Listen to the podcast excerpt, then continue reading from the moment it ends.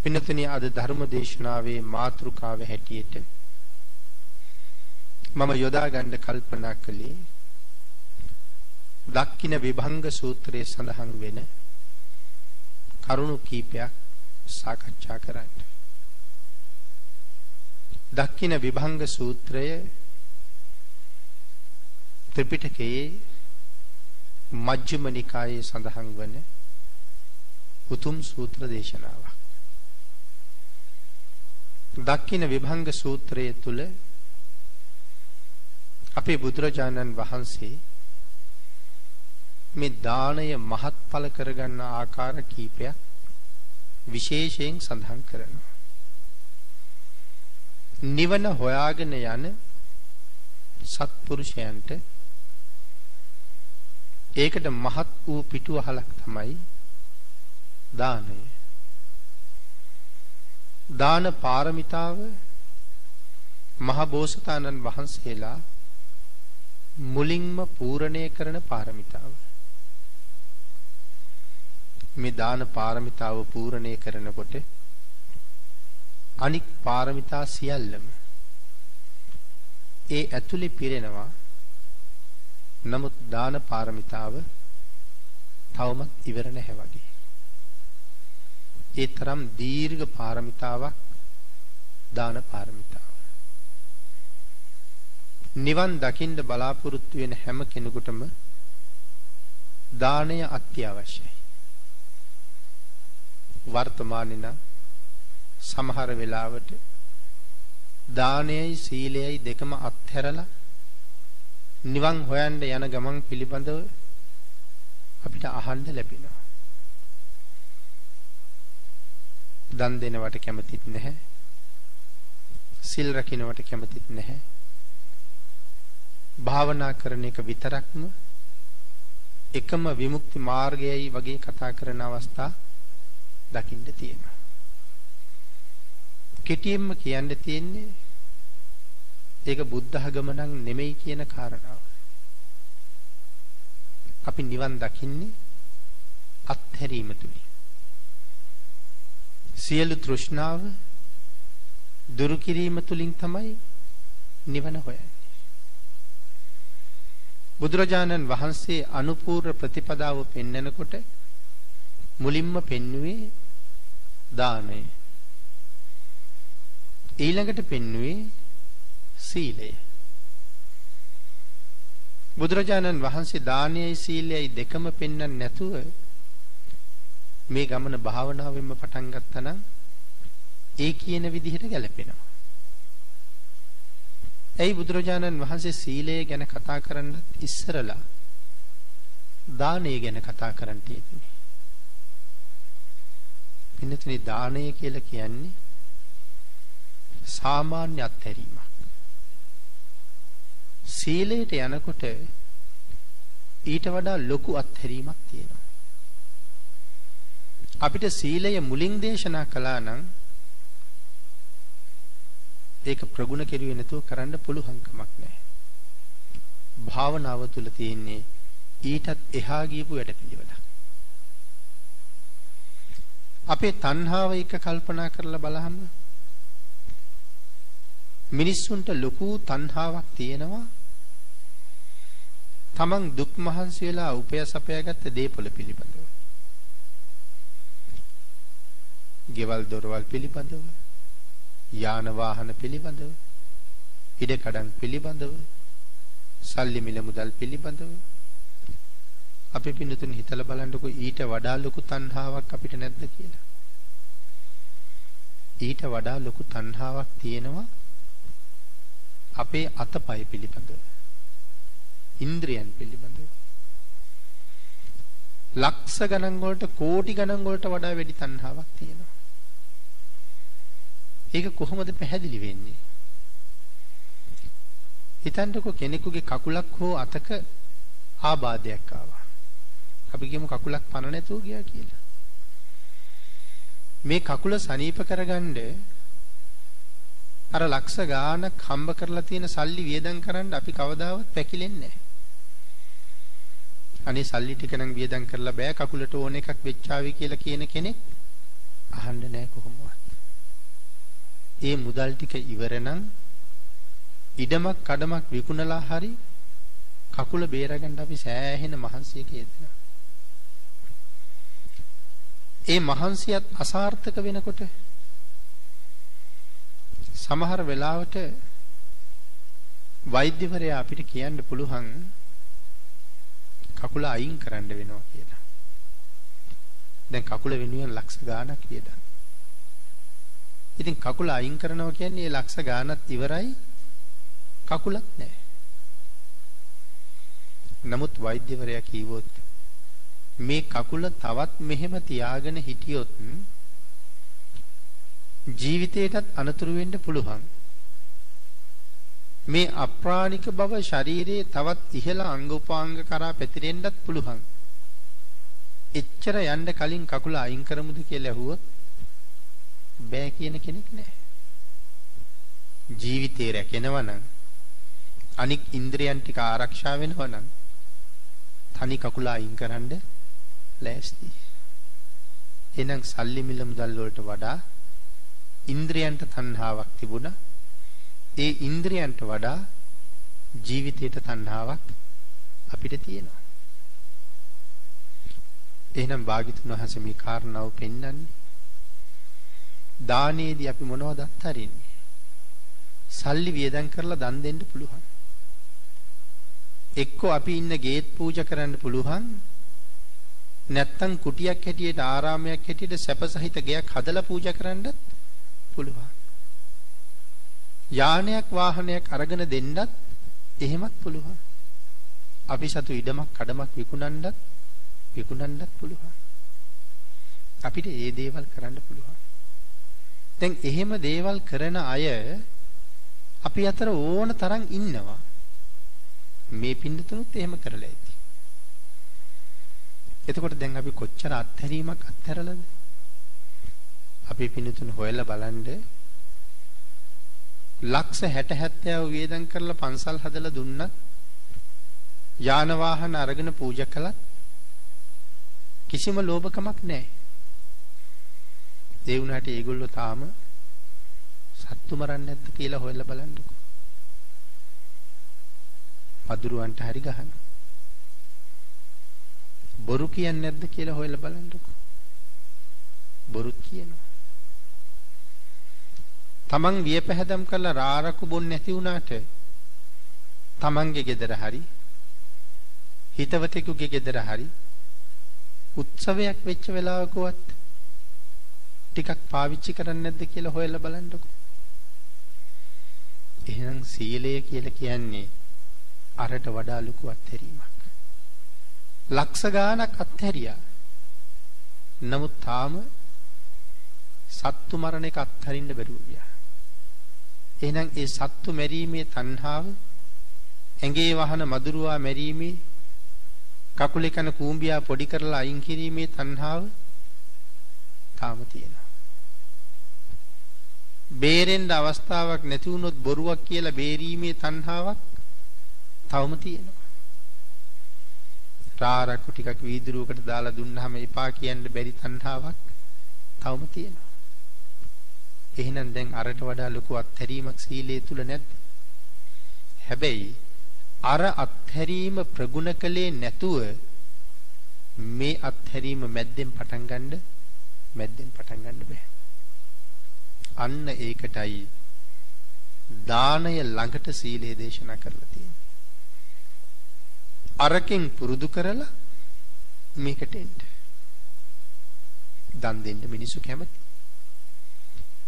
අහවල් ආරණ්‍යට අහවල් පන්සලට අහවල් නිවාසයට දානයක් දෙන්න යන් කියලා කියහම බඩු බාහිර ආදියත් ඕන තරම් ලැබෙනවා යන්න පිරිසත් ඕන තරම් ඉන්නවා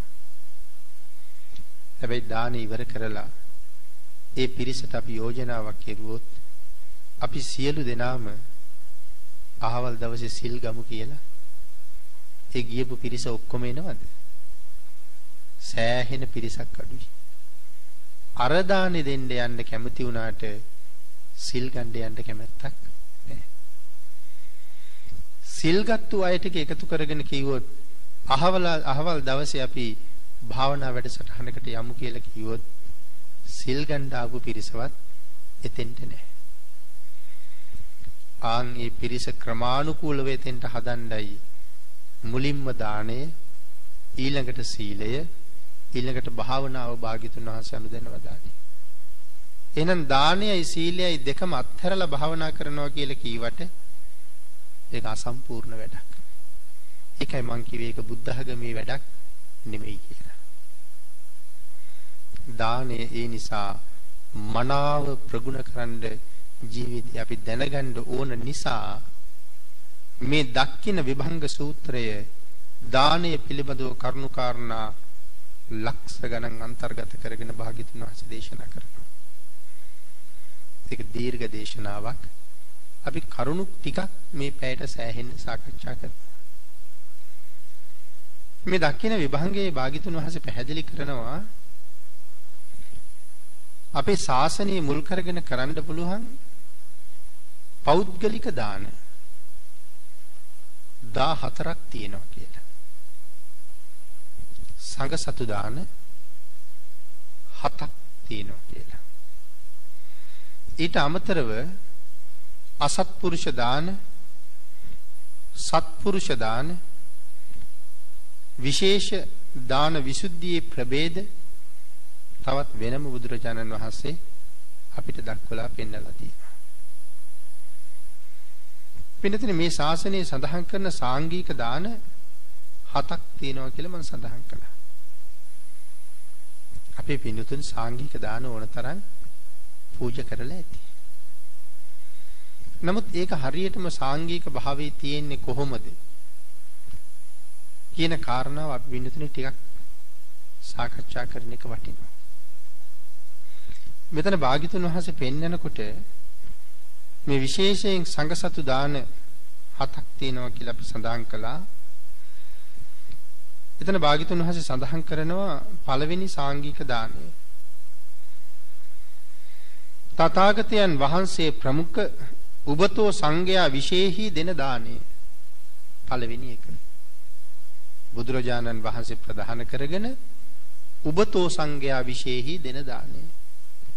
මෙතන උබතෝ සංඝයා කියලා කියන්නේ භික්ෂූන් වහන්සේලාත් භික්ෂුණීන් වහන්සේලාත් බුදුරජාණන් වහන්සේත් ඇතුළුව දෙන සාංගික දානය.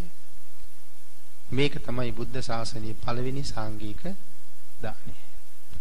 දෙවනි සාංගික දානය තමයි බුදුරජාණන් වහන්සේ පිරිනිවන් පෑ කල උබතෝ සංඝයා විශේෂී දෙන දාණය. බුදුරජාණන් වහන්සේ නැහැ පිරිනිවන් පාලා. නමුත් භික්ෂු භික්ෂුණීන් ඉන්නවා. උන්වහන්සේලා වැඩම කරවලා දෙන දානය. දෙවනි සාංගික දානය. තුන්වෙනි සාංගික දානය භික්ෂු සංඝයා විශේෂෙහි දෙන දානය. ආම්දුරන් වහන්සේලා විතරක් වැඩමවල දෙන දානය. ඒකට භික්ෂුණීන් වහන්සේලා නැහැ. හතරවෙනි සාංගික දාණය හාමුදුරුවන් වහන්සේලා නෑ භික්ෂුණීන් වහන්සේලා විතරක් වැඩම කරවලා දෙන දාණය. පස්වෙනි දාණය ප්‍රමාණයක් වශයෙන් භික්ෂූන් සහ භික්ෂුණී සංඝයා වැඩමවල දෙන දාණය. ඒ ප්‍රමාණයක් වශයෙන් කියලා කියන්නේ අපි ආරාධනා කරනකොට අපිට ස්වාමින් වහන්සේලා 19යි භික්ෂුණීන් වහන්සේලා 19යි වැඩමවල දෙන්න. ප්‍රමාණයක් කියනවා හාමුදුරුවරු 10යි භික්ෂුණීන් වහන්සේලා 10යි. එහෙම 29ක් එකතු කරලා දෙන දාණය ගණන කියලා ඉල්ලලා දෙනවට තමයි ප්‍රමාණයක් කරලා වැඩමවල දෙන දාණය කියලා කිව්වේ. හයවෙනි දාණය ප්‍රමාණ වශයෙන් භික්ෂූන් විශේෂයි දෙන දාණය. මේක තමයි බුද්ධ ශාසනයේ අද අපි දෙන දාණය. අපේ පන්සලට ගිහිල්ලා නායක හාමුදුරුවන්ට ආරාධනා කරනවා අහවල් දවසේ දානයක් දෙන්න කල්පනාවක් තියෙනවා ස්වාමින් වහන්සේලා 29ක් වැඩමවල දෙන්න. වර්තමානයේ අපි එහෙමනේ කරන්නේ. ඒ තමයි අපේ දානය. භික්ෂු සංඝයා ප්‍රමාණයක් කරලා ඉල්ලලා දෙන දානේ. එතකොට මේ සාංගික දානේ තමයි අපිට අද දෙන්න පුළුවන්. මේ දාන හතෙන් වෙන එකක්වත් අද දෙන්න පුළුවන් කමක් නැහැ. හැබැයි භාග්‍යතුන් වහන්සේ පිරිනිවි කල්හි උබතෝ සංඝයා උදෙසා දෙන දානය කියලා අපි එකක් සඳහන් කළා. වර්තමානයේ අපි සාමාන්‍යයෙන් අපේ ගෙදරට ධාතුන් වහන්සේ වැඩමෝන එක කරනවා. ධාතුන් වහන්සේ වැඩම කෙරෙව්වා කියලා කියන්නේ බුදුරජාණන් වහන්සේ වැඩම කෙරෙව්වා කියන එකයි. එතකොට සංඝයා වහන්සේලාත් වැඩමවනවා. එනම් බුද්ධ ප්‍රමුඛ මහා සංඝයා විශේෂයි දෙන දානය කියලා තමයි ඒකට කියන්න වෙන්නේ. ඒ දානි අද අපිට දෙන්න පුළුවන් 13 වහන්සේ වැඩමවනකොට ජීවමාන බුදුරජාණන් වහන්සේ වැඩමවනවා කියන සංඥාවෙන් බුදුරජාණන් වහන්සේ පිළිගන්න පුළුවන් නම් ඒක ටිකක් සංකීර්ණ කාරණාවක්. වර්තමානයේ එහෙම සූදානමක් දකින්නේ නැහැ. විශේෂ බුද්ධාසනයක් හදනවා අපි දකින්නේ අපි දකින්නේ නැහැ. විශේෂයෙන් බුදුරජාණන් වහන්සේට දානෙ පිළියෙල කරනවා අපි දකින්නේ අපි දකින්නේ නැහැ. නමුත් අපි ධාතු කරඬුව වැඩමවනවා. ඒක අද නාම මාත්‍රයක් විතරයි. මේ වඩින්නේ භාග්‍යතුන් වහන්සේ කියන සංඥාව ඇති වුණොත් සංඝයාට වඩා ඉහළින් ඊට අනර්ග ආසනයක් බුදුරජාණන් වහන්සේට පිළියෙල කරන්න වෙනවා. සංඝයාට වඩා භාග්‍යතුන් වහන්සේගේ දාන වේල අති විශේෂයෙන් සකස් කරන්න සකස් කරලා පිළිගන්වන්න වෙනවා. ඉතින් ඒක සම්පූර්ණ වුණොත් තමයි භාග්‍යතුන් වහන්සේ වැඩමෙව්වා වෙන්නේ. නැත්නම් අපි වැඩමවල සැලකුවේ නෑ වාගේ කාරණාවකට යන්න පුළුවන්.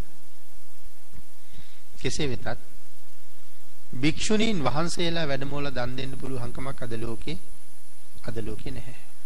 හේතුව භික්ෂුණී ශාසනයේ ලෝකෙන් අතුරුදහන් වෙලා බොහොම කල. ලෝකයේ අද භික්ෂුණීන් වහන්සේලා නැහැ.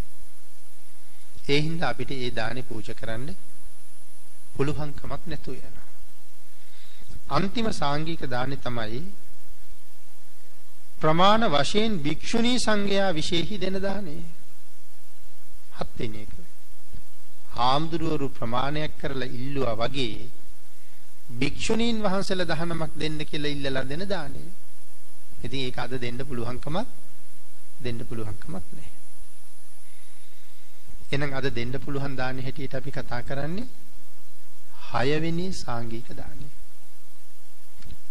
ඒකත් සාංගික වෙනවද නැද්ද කියන එක හරියටම තියෙන්නේ අපි ගාව. ඒ කියන්නේ සංඝයා ගාවද නෑ. දායක පාර්ශවයක. දායකයා දානීය පිළිබඳව හරියටම කරුණු දන්නේ නැත්නම් ඒ දානීය සාංගික භාවය අහුසි වෙනවා. මොනවද දායකයා දන්නේ නැති කරුණ. දැන් සාමාන්‍යයෙන් අද ස්වාමින් වහන්සේ තමයි දානි සාංගික කරන්නේ. ඒකේ කිසි වරදක් නැහැ. එහෙම කරන්නේ දායක පාර්ශවයේ හුඟක් දෙනා ওই කරුණ දන්නේ නැති හින්දා. নমස්කාරය කියන්න කියලා ස්වාමින් වහන්සේ සාංගික වාක්‍ය කියනවා. ස්වාමින් වහන්සේ කීවට පස්සේ අපි වාක්‍ය කියවලා තුන් වතාවකින් දානේ පූජා කරනවා. ඒකේ වරදක් නැහැ. හැබැයි දානේ ප්‍රධාන දායකයා ගාව ඒකාන්ත අරමුණක් තියෙන්න ඕනේ මේ වස්තුව සියල්ල මම ශාසනය වෙනුවෙන් අත්හරිනවා කියලා. නැත්තම් දායකයාගේ හිතේ තියෙන එක ස්වාමීන් වහන්සේ දන්නේ නැහැනේ. ස්වාමින් වහන්සේ වාක්‍ය කියෙව්වට දානේ සාංගික වෙන්නේ නැහැ. අත්හැරීමේ චේතනාව දායකයා ළඟ තියෙන්න ඕනේ. දායකයන්ටම පුළුවන් නම් ස්වාමින් වහන්සේ අපි මේ සකස් කරලා තියෙන ආහාර පාන පරිස්කාර ආදී සියල්ලම මහා සංඝරත්නයේ විශේෂී අපි පූජා කරනවා කියලා කාරණාව සඳහන් කළා නම් දාන එතනම සාංගික වෙලා ඉවරයි. ඊළඟට අපි ආරාධනා කරන්න ගියහම ආරාධනා කරනවා ස්වාමීනි මට දහනමක් ඕනේ. අපේ ගමේ පන්සලෙනුත් වඩින්න ඕනේ. නායක හාමුදුරුත් අනිවාර්යෙන් වඩින්න ඕනේ. එහා ගමේ පන්සලේ ඉන්න හාමුදුරුව අපේ ඥාති කෙනෙක්. උන්වහන්සේත් අපිට මේකට වැඩමව ගන්න ඕනේ. අහවල් ස්වාමින් වහන්සේ අපිට කුඩා කාලේ ඉඳලා උගන්වලා තියෙනවා. උන්වහන්සේත් අපිට සම්බන්ධ කරගන්න ඕනේ. එහෙම එහෙම ඒ ඒ ස්වාමින් වහන්සේලා ටික වැඩමවලා දෙන්න කියලා ඉල්ලීමක් කිරීමේ අයිතියකුත් අපි සතුව තියෙනවා. හැබැයි එහෙම ඉල්ලීම කරන්නත් පුළුවන්. ඊට පස්සේ දැන් දානි පූජා කරන්න සූදානම් වෙලා ඉන්නවා. දැන් ස්වාමින් වහන්සේලා වැඩම කරවගෙන එනවා. ප්‍රධාන දාන දායකයා දැන් වාහනින් හරි බිමින් හරි වඩින ස්වාමින් වහන්සේලා දිහා බලාගෙන ඉන්නවා. එතන නායක හාමුදුරුවෝ නැහැ. එතන අපේ අර ඥාති හාමුදුරුවොත් නැහැ. ඥාති හාමුදුරුවෝ ගාව ඉන්න ශිෂ්‍ය හාමුදුරුවෝ ඉන්නවා. නායක හාමුදුරුවෝ නැහැ දෙවනි හාමුදුරුවෝ ඉන්නවා. දැන් අර දායකයන්ට කලකිරීමක් ඇති වෙනවා. මම නායක හාමුදුරුවන්ට මාස කීයකට කලින්ද කීවේ. ඒ උන්වහන්සේ මේකට වැඩමවා ගන්න බැරි වෙයි කියලා තමයි මම කලින්ම කීවේ. එච්චර කලින් කියලත් උන්වහන්සේ අද නැහැ. මම පන්සලේ කොච්චර දේවල් කරලා තියෙනවද? නමුත් මේක සැලකුවේ නැහැ. අපේ අර අපේ හාමුදුරුවොත් නැහැ. උන්වහන්සේත් පොඩි හාමුදුරුවෝ ඒවලා. ආන් එහෙම හිත හිතා දායකයාගේ හිත පශ්චත්තාපයටපත් වෙනවා. ඒ පශ්චත්තාපයත් එක්කම මහා සංඝයා විශේෂයි හදාපු දානයත් සාංගික භාවයේ අහෝසි වෙන්න බලනවා. ඇයි දැන් මහා සංඝයාට දන් දෙන්න ලෑස්ති කරලා විශේෂයෙන් නායක හාමුදුරුවෝ නැති එක පිළිබඳව කලකිරීමක් ඇති වෙලා. ඒ කියන්නේ ගිහිල්ලා පෞද්ගලික මට්ටමකට. නායක හාමුදුරුවෝ ඕනෙමයි. එහෙම වුණොත් දානේ සාංගික භාවයේ ස්ථිර නැහැ. අර විදිහට කියලා ඉල්ලන්න පුළුවන් නමුත් මගේ ගෙදරට වඩින වෙලාවට මේ වඩින්නේ සැරියුත් මුගලන් මහරහතන් වහන්සේලාගේ පරම්පරාවේ නියෝජිතවරු. නායක හාමුදුරුවොත් එතන නියෝජිතයෙක් පන්සලේ දෙවනි හාමුදුරුවොත් එතන නියෝජිතයෙක් එහෙනම් මට මෙතෙන්ට නායක හාමුදුරුවෝ වැඩියත් එකයි නැතත් එකයි ආර්ය මහා සංඝරත්නය දානෙට වැඩලා ඉන්නවා. ඒ සංඥාවට ගියොත් විතරයි දානේ සාංගික භාවය රඳව ගන්න පුළුවන් වෙන්නේ. පෞද්ගලික පැත්තට ගමන් කළොත් ඒ දානේ පෞද්ගලික දානයක් මිසක් සාංගික දානයක් වෙන්නේ නැහැ. අනිත් එක සමහර වෙලාවට දම්පැන් බෙදනකොට වැඩිමහලු මහා සංඝයාගේ ඉඳලා හත් අවුරුදු වයසේ ලාබාල ස්වාමින් වහන්සේ ළඟට යනකම් අපේ ගෞරවයේ එකම ගෞරවයක් වෙන්න ඕනේ. මෙහි ඉඳලා එහාට යනකොට ඒක පාත් වෙවි අඩු වෙවි යන එකක් නොවෙන්න ඕනේ. ඒක සමානව සියලු දෙනාට සලකන්න ඕනේ මොකද ඒ ලාබාල හාමුදුරුවෝ නියෝජනය කරන්නේ මහරහතන් වහන්සේලාගේ ශාසනය. උන්වහන්සේ නියෝජනය කරන්නේ අර ආර්ය මහා සංඝරත්නය. ඒ හින්දා දම් බෙදනකොට දක්වන ගරු සැලකිල්ල උපස්ථාන වලට දක්වන උනන්දුව පොඩි පොඩි අය ගාවට යනකොට අඩු වෙනවා නම් මහා අයට සලකලා පොඩි අයට සලකන්න ගියාම ඒ අය ශාසනයේ නෙමෙයිද වාගේ ප්‍රශ්නයක් ආයෙමත් වෙනවා. එක හා සමාන ගරු සම්මානයක් මහා සංඝයා විශේෂයි තියෙන්න ඕනේ. ඔය කාරණා ටිකත් හරියට සම්පූර්ණ වුණේ නැත්නම් මේ දානීය සාංගික භාවයට ලොකු හානියක් බලපෑමක් තියෙනවා. සංඝ සතු දන් දුන්න දුන්න කියලා කීවට බොහෝ වෙලාට ඒවා පෞද්ගලික වෙලා අපි දන්නෙත් නැහැ. ඊළඟට සමාජයේ තාමත් තවත් මතයක් තියෙනවා. ඒ දානයේ සංඝසතු වෙන්න නම් උපසම්පදා භික්ෂූන් වහන්සේලාම මෙච්චර ප්‍රමාණයක් වැඩ ඉන්න ඕනේ කියලා. එහෙම කාරණාවක් බුද්ධ ධර්මයේ කොහෙවත් බුද්ධ ධර්මයේ කොහෙවත් නැහැ. හත් අවුරුදු වයසේ සාමණේරයන් වහන්සේ නමුත් නියෝජනය කරන්නේ සම්මා සම්බුද්ධ ශාසනයයි. උන්වහන්සේ තුල දායකයාට අප්‍රමාණ කුසල් රැස් කරවීමේ හැකියාවක් හැකියාවක් තියෙනවා. හරියටම කර්ම වාක්‍ය කියවලා පැවිද්ද පිහිටවල තියෙනවා නම් උන්වහන්සේ ළඟ තියෙන සීලයට සාමාන්‍ය කෙනෙකුට ලං වෙන්න තිය හිතන්නවත් හිතන්නවත් බෑ. සාමණේර ස්වාමින් වහන්සේලා මේ ශාසනයේ බලගතු නෑ කියලා කාටවත් කියන්න පුළුවන්කමකුත් පුළුවන්කමකුත් නෑ. එව්වට උදාහරණ ඕන තරම් අපේ පිටකේ තියෙනවා. අපි පින්නතුන්ට මතකද අනුරුද්ධ මහරහතන් වහන්සේගේ එක ශිෂ්‍ය රත්නයක් හිටියා සුමන සාමණේර කියලා. සුමන සාමණේරයන් වහන්සේගේ තරම ඒ තරම දැක්කහම හිතෙයිද මේ සාමණේරයන් වහන්සේට සාංගික භාවයේ රඳවන්න පුළුවන් කමක් නැහැ කියලා. අනුරුද්ධ මහරහතන් වහන්සේට බඩේ අමාරුවක් ඇතිවෙනවා. ස්වාමිනී අසනීපෙන් වාගේ. ඔව් සාමණේර බඩරි දෙනවා. ස්වාමීනි වෙනද වළඳන්නේ මොනවද එතකොට? අනවතප්ත විලෙන් පැන් ටිකක් වැළඳුවොත් හොඳයි. ආන් ඒ වෙලාවේ කෙන්ඩිය අරගෙන අහසට නැගලා අනෝතප්ත විලට යනවා. අනෝතප්ත විල ගාව ඉන්න නාගරාජයේ මුළු අනෝතප්ත විලම පෙනෙන් වහනවා. දන්නවා කෙන්ඩියත් අරගෙන ඉන්නේ පැන් ගෙනියන්නයි දෙන්නේ පැන් කියලා. මොකද තමන්ගේ හිසට උඩින් ආවා කියලා. සාමණේර හාමුදුරුවෝ ගිහිල්ලා පැන් ඉල්ලුවා. පුළුවන් නම් ගන්න කියලා කිව්වා.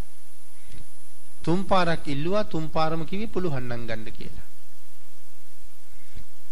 ඊට පස්සේ කල්පනා කළා පැන් ගන්න එක නම් වැඩක් නෙමෙයි. නමුත් නිකම්ම අරගෙන යන්නේ කිසි බලවත්කමක්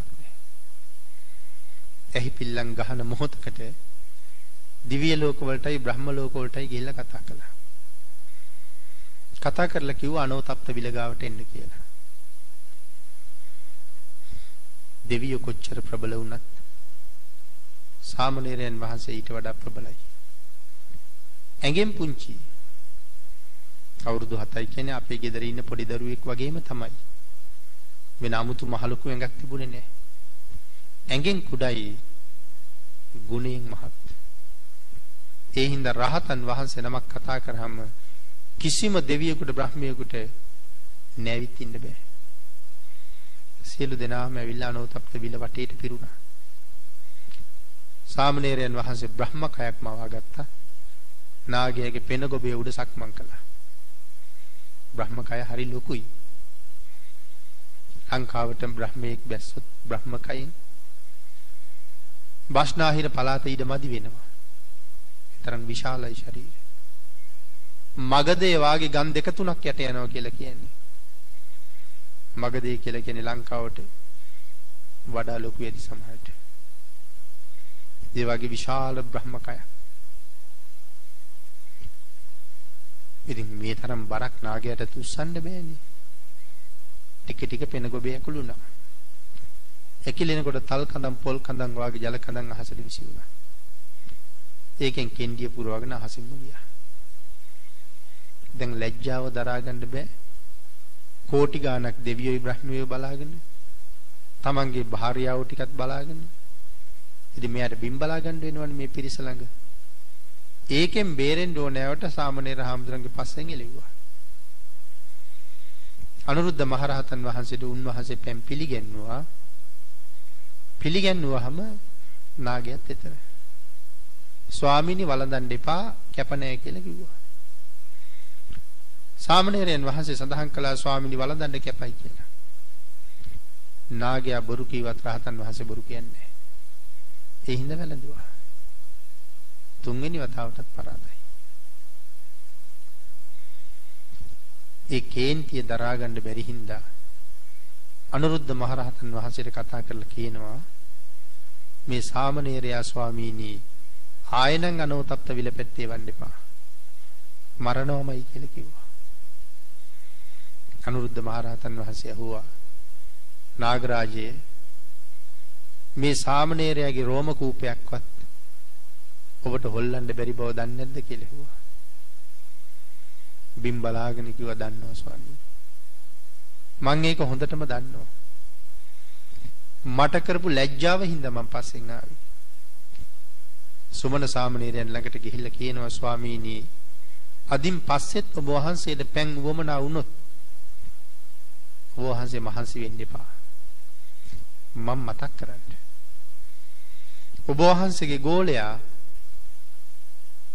විල ළඟ ඉන්නවා කියලා හිතන්න. මං ගෙනල්ලා දෙන්නම් කිව්වා. එතකොට මේ හත් අවුරුදු වයසේ ස්වාමීන් වහන්සේට කරන්න පුළුවන් වෙච්ච දේ ආර්ය මහා සංඝයාගේ නියෝජිත භාවය. යම් තැනක නියෝජිත භාවය ලැබුණා කියලා කියන්නේ ඒ ඕනෑම දෙයක් නියෝජනය කරන්න පුළුවන් කියන එකයි. ප්‍රධාන අමාත්‍යවරයා කරන දේවල් අමාත්‍යවරයා නැත්තම් බාර දීලා යන්නේ නියෝජ්‍ය අමාත්‍යවරයාට. ඇමතිතුමා නැහැ කියලා නතර කරන්න ඕනේ නැහැ. ඒ බලය දීලා තියෙනවා නියෝජිත බව තියෙනවා.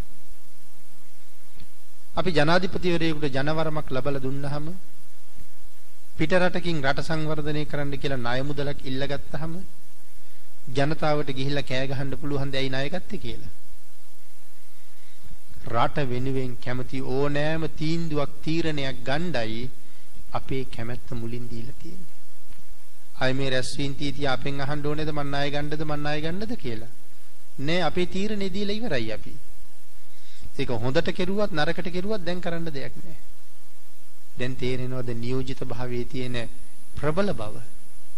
එහෙනම් රටේ ප්‍රධාන නියෝජිතයා ජනාධිපති නිසා එතුමා කෝක කෙරුවත් ඉස නමන්න වෙනවා. මොකද අපි බලේ දීලයි තියෙන්නේ. එහෙනම් ආර්ය ශාසනයේ නියෝජිත බව ගත්ත කියලා කියන්නේ ඒක මේ සාමණේර දූප සම්පදාද කියලා හාරන්න දෙයක් නැහැ. ඒ කාටත් මේ ශාසනයේ පැවරිච්ච කොටසක් තියෙනවා. දානයක් සාංගික කරන්න උන්වහන්සේලාටත් හොඳටම හොඳටම පුළුවන්.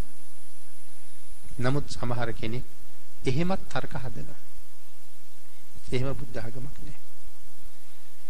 ඒක නිසා එතකොට ශාසනයේ තියෙනවා ප්‍රධාන සාංගික දාන හතක්. වර්තමානයේ අපිට ඒකෙන් පූජා කරන්න පුළුවන්කම තියෙන්නේ හයවෙනි සාංගික දානය.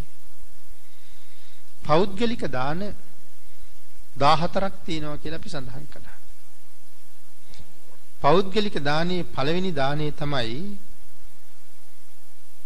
තථාගත අරිහත් සම්මා සම්බුදුරජාණන් වහන්සේ උදෙසා දෙන දානය. බුදුරජාණන් වහන්සේ උදෙසා පෞද්ගලිකව දානයක් පූජා කරන්න අපිට පුළුවන්. ලැබෙන ආනිසංසය මෙච්චරයි කියලා කියලා ඉවර කරන්න බෑ. නිවන් දකින්න තුරුත් අපිට විපාක දීලා තව අහෝසි වෙලා යන්න කොටසුත් ඉතුරු වෙනවා. ඒ තරම්ම ප්‍රබලයි ලෞතර බුදුරජාණන් වහන්සේට පෞද්ගලික දෙන දාණය. එතකොට දෙවනි පෞද්ගලික දානය කියලා කියන්නේ පසේ බුදුරජාණන් වහන්සේට දෙන පෞද්ගලික දානය. ඒ දානයත් එහෙමයි. ලෞතර භාග්‍යතුන් වහන්සේට වඩා අඩුයි. නමුත් සීමාව පෙන්නලා නැහැ. තුන්වෙනි සාංගික තුන්වෙනි පෞද්ගලික දානය මහ රහතන් වහන්සේට දෙන දානය. හතරවෙනි පෞද්ගලික දානය මහ රහත් භාවයේ ලබන්න රහත් මගට ප්‍රතිපන් කෙනාට දෙන දානය. කවුද පිළිතුරු මේ රහත් බවට පිළිපන්න කෙනා කියලා කියන්නේ? අනාගාමි වෙලයි ඉන්නේ අනාගාමි වෙලා රහත් වීම උදෙසා වීරය වඩමින් ඉන්නවා. උන්වහන්සේට කියන්නේ රහත් මගට පිළිපන් කියලා. අනාගාමීන් වහන්සේට දෙන දාණය ඊළඟ දාණය. අනාගාමීන් වහන්සේට දෙනවට වඩා අනාගාමී වෙලා ඉඳගෙන රහත් වෙන්න වීරිය වඩන කෙනාට දෙන දාණය හරි උතුම්.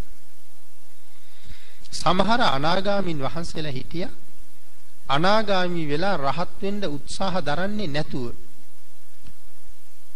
ඇතම් අනාගාමීන් වහන්සේලාගෙන් භාග්‍යතුන් වහන්සේ අහපුවාම ඇයි උත්සාහය අත්හැරලද කියලා ස්වාමීනි මම අනාගාමි වෙලා ඉන්නේ බඹලෝ වැඩලා පිරිනවම් පානවා අනාගාමී අය බඹලවනේ උපදින්නේ බඹලෝ ඉපදිලා එහෙන් පිරිනිවන් පානවා කියලා කියනවා. ඒ වෙලාවේ කරපු විශේෂ දේශනාවකුත් තියෙනවා. මහණෙනි අසූචි කියන දේවල් ටිකක් තිබුණත් හුඟක් තිබුණත් දුර්ගන්ධය එකමයි. භවය කියන එක එක මොහොතක්වත් මම අගේ කරන්නේ එහෙනම් ඔබලා තව බ්‍රහ්ම ආත්මයක් මොකට බලාපොරොත්තු වෙනවද? අනාගාමී වුණා නම් වීර්ය ආරම්භ කරන්න රහත් උදෙසා. සංඝේ හින්දා අරිහත් මගට පිළිපන් කිවි අනාගාමී වෙලා නැවත වීර්ය කරනවා රහත් වෙන්න. අනාගාමී කෙනාට වඩා ඒ උත්තමයා උතුම්. සකදාගාමී වෙලා අනාගාමී වීම සඳහා වීරිය වඩන කෙනා ඊළඟ කෙනා සකදාගාමී කෙනා ඊළඟ කෙනා. සෝවාන් වෙලා සකදාගාමී වීම සඳහා වීරිය වඩන කෙනා ඊළඟ කෙනා සෝවාන් වහන්සේ ඊළඟ කෙනා. ඊළඟ කෙනා තමයි සෝවාන් වීම සඳහා වීරිය ආරම්භ කරලා ඉන්න කෙනා. කවුද මේ සෝවාන් වීම සඳහා වීරිය ආරම්භ කරලා ඉන්න කෙනා කියලා කියන්නේ සෝවාන් මගට පිළිපන් කෙනා. ආන් එයාට තමයි කියන්නේ තිසරණ සහිතව පන්සිල් ආරක්ෂා කරන කෙනා. සෝවාන් වෙන්න වීර්ය ආරම්භ කරගෙනා තිසරණ සහිතව පන්සිල් තියෙන කෙනා. ඊළඟට පින්නතුනි සඳහන් කරනවා හතර කාමෙහි වීතරාගී බාහිර තවුසන් සෝවාන් තථාගතයන් වහන්සේ සෝවාන් සෝවාන් ශ්‍රාවකයා සෝවාන් බවට උත්සාහ දරන කෙනා ඊළඟට සෝවාන් බවට උත්සාහ දරන කෙනා කිවි පන්සල් රකින්න කෙනා ඊළඟට කාමේහි වීතරාගී බාහිර තවුසු කවුද මේ කාමේහි වීතරාගී බාහිර තවුසු කියලා කියන්නේ තිසරණ නැහැ. නමුත් පන්සිල් තියෙනවා. භාග්‍යතුන් වහන්සේ ලෝකේ පහළ වෙන්න කලිනුත් සමත භාවනා දියුණු කරලා අහසින් ගියපු ඍෂිවරු ගැන අපි අහලා තියෙනවා. ආන් ඒ වාගේ අය තමයි මේ කාමයේ විතරාගී තවුසු කියලා කියන්නේ. තිසරණ සහිතව පන්සිල් ආරක්ෂා කරන කෙනෙකුට කෑම වේලක් දුන්නොත් අපිට අනාගත ජීවිත අසංකේයක කෑම වරදින්නේ සෝවාන් වහන්සේට කෑම වේලක් දුන්නොත් ඒකේ ලැබෙන ආනිසංසයේ සීමාවක් තිසරණ පන්සිල් තියෙන ඇයට දෙන කෑම වේල අනාගත ජීවිත අසංකේයයක් විපාක දෙනවා. කාමෙහි විතරාගී තවුසෙකුට දුන්නහම අනාගත ජීවිත කෝටි ලක්ෂයක්. සාමාන්‍යයෙන් පුතජන සීලවන්ත. කවුද මේ පුතජන සීලවන්ත කියලා කියන්නේ? අපේ ගංගෙවල් වල අපි කතා කරනවා හොඳ මිනිස්සු කියලා. කාටවත් කරදරයක් හිරිහැරයක් බාධාවක් නැහැ. තමන්ගේ පාඩුවේ කටයුතු ටික කරගෙන අන් අයට උදපදව් කරගෙන ඉන්න හොඳ මිනිස්සු හැබැයි ඒ අය ගාව පන්සිල් නැහැ. තිසරණ තියෙන්න පුළුවන්. පන්සිල් නැහැ. මදුරුවන්ට හරි මෙහි ගහනවා. රාරක්කු වගේ දේවල් සාමාන්‍යයෙන් බොනවා. කාටවත් කරදර කරන්නේ පන්සිල් නැහැ. අන් එහෙම අයට තමයි කියන්නේ පෘතජන සීලවන්ත. එහෙම කෙනෙකුට කෑම වේලක් දෙන්න ලැබුණොත් අනාගත ජීවිතේ ලක්ෂයක විපාක දෙනවා.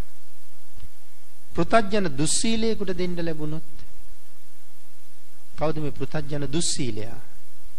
තිසරණත් නෑ පන්සිලුත් නෑ. හොරකම් කරනවා මංකොල්ල කනවා.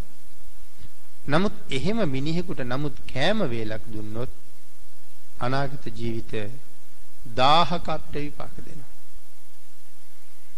තිරිසන් සතිකුට දුන්නහම පල්ල හැම 14 වෙනි එක අපිට අනාගත ජීවිත 100ක විපාක දෙනවා. එහෙනම් දාණය කවදා කොතන කොහොම දුන්නත් ඒ ඒ ප්‍රමාණයට මහත්ඵලයි තිසරණ තිරිසනාගේ ඉඳලා භාග්‍යතුන් වහන්සේ දක්වා විපාක දෙන හැටි පෞද්ගලික දාන 14යි අපි මේ සිහිපත් කරන්ට යෙදුනේ. එතකොට සාංගික දාන 7යි පෞද්ගලික දාන 14යි. එතකොට හරියටම සාංගික දානයක් පූජා කරගන්න නම් අපි ගාව පෞද්ගලික සංඥාවෙන් අයින් වෙලා ආර්ය මහා සංඝයාට දන් දෙනවා කියන චේතනාව තියෙන්න ඕනේ. කැප දේවල් කැප වෙලාවේ පූජා කරන්න ඕනේ. අකැප දේවල් අකැප වෙලාවේ පූජා කරන්න හොඳ නැහැ.